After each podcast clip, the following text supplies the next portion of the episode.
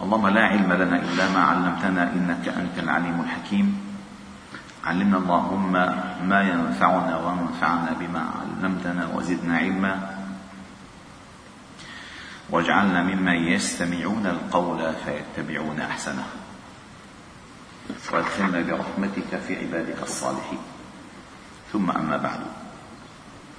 فقد ذكر الإمام الترمذي رحمه الله تعالى في كتابه الممتع الماتع النافع الشمائل المحمدية على صاحبها أفضل الصلاة والسلام والتحية.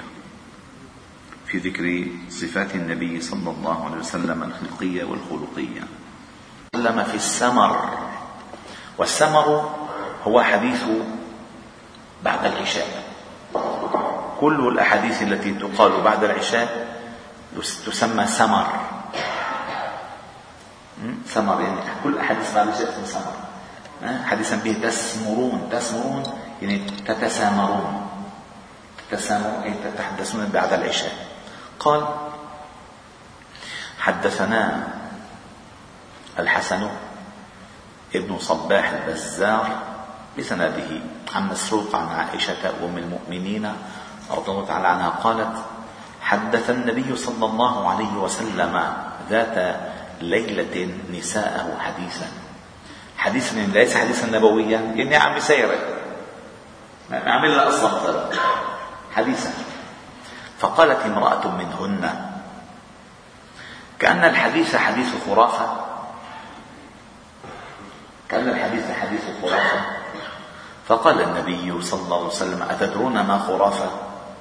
هلا بتعرفون شو الخرافة هي الخرافة عم تخرف قال أتدرون ما خرافة؟ إن خرافة كان رجلا من عذرة. وهذه عذرة اسم قبيلة مشهورة في اليمن.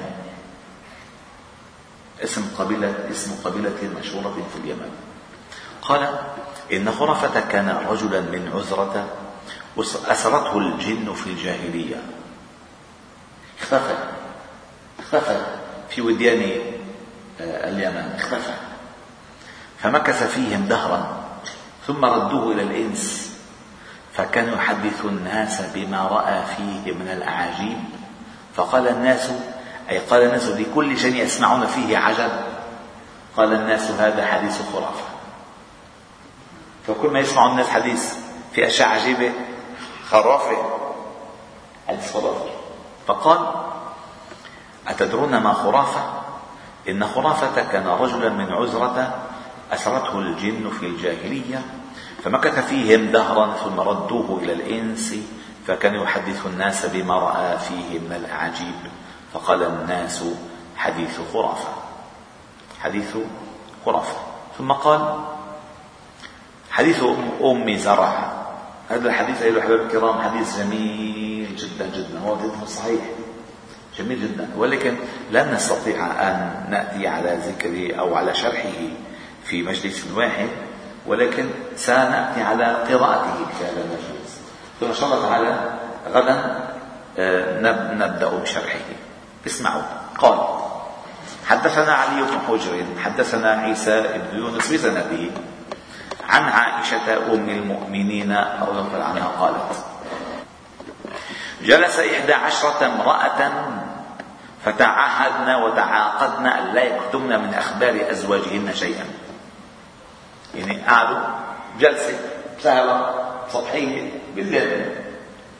وتعاهدنا كل واحد ما تكتم شيء قدام العشرة من أخبار أزواج زوجها شيئا. فتعاقدنا وتعاهدنا أن لا يكتمن من أخبار أزواجهن شيئا. فقالت الأولى زوجي لحم جمل غث على رأس جبل وعر لا سهل فيرتقى ولا سميل فينتقل. فقالت الثانية زوجي لا أسيء خبره إني أخاف ألا أذره إن أذكره أذكر عجره ومجره فقال الثالثة زوجي العشنق إن أنطق أطلق وإن أسكت أعلق. فقالت الرابعة زوجي كليل التهامة لا حر ولا قر ولا مخافة ولا سآمة فقالت الخامسة زوجي إن دخل فهم وإن خرج أسد ولا, ولا يسأل عما عهد فقالت السادسة زوجي إن أكل لف وإن شرب وإن شرب اشتف وإن اضطجع التف وإن شرب اشتف وإن اضطجع التف ولا يولج الكف ليعلم البث. قالت السابعة زوجي عيايا غيايا طبقا.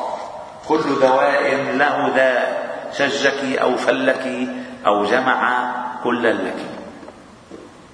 فقالت الثامنة زوجي المس مس أرنب والريح ريح زرنب.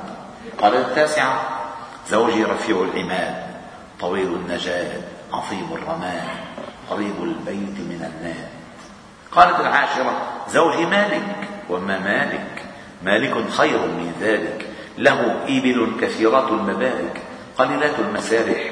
إذا سمعنا صوت المزهر أيقن أنهن هوالك. قالت الحادية عشرة زوجي أبو زرع. وما أبو زرع؟ أناس من حلي أذني.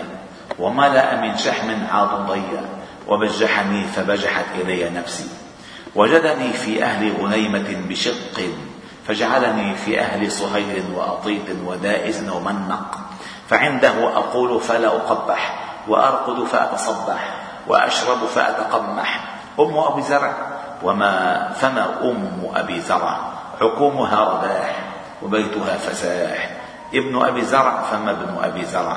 مضجعه كمسل شطبة وتشبعه ذراع الجفرة. بنت أبي زرع فما بنت أبي زرع؟ طوع أبيها وطوع أمها وملء كسائها وغيظ جارتها. جارت جارية أبي زرع. فما جارية أبي زرع. لا تبث حديثنا تبثيثا ولا تنقص ميرتنا تنقيسا ولا تملأ بيتنا تحشيشا. قالت خرج أبو زرع والأوطار تمخض فلقي امرأة معها ولدان. لها كالفهدين يلعبان من تحت خصرها برمانتين.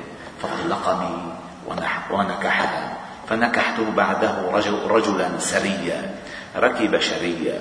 وأخذ خطيا وراح علي نعما سريا وأعطاني من كل رائحة زوجا وقال كلي أم زرع وميلي أهلك فلو جمعت تتحدث أم زرع فقالت فلو جمعت كل شيء. أعطاني ما بلغ أصغر آنية أبي زرع. فقالت عائشة فقال للنبي صلى الله عليه وسلم كنت لك كأبي زرع لأم زرع. هذا حديث كله لغة عربية. ولكن يعني أورده الإمام أنه كان كان يسامر زوجاته ليلا يعني, يعني هي حكي ما هو حكي؟ كل هذا الحكي حكي الآلاف صحيح ولا لا؟ تتحدث عن نساء قريش. إن شاء الله تعالى غدا نبدأ ونشرع بشرحه والله تعالى أعلم وأحكم والحمد لله رب العالمين.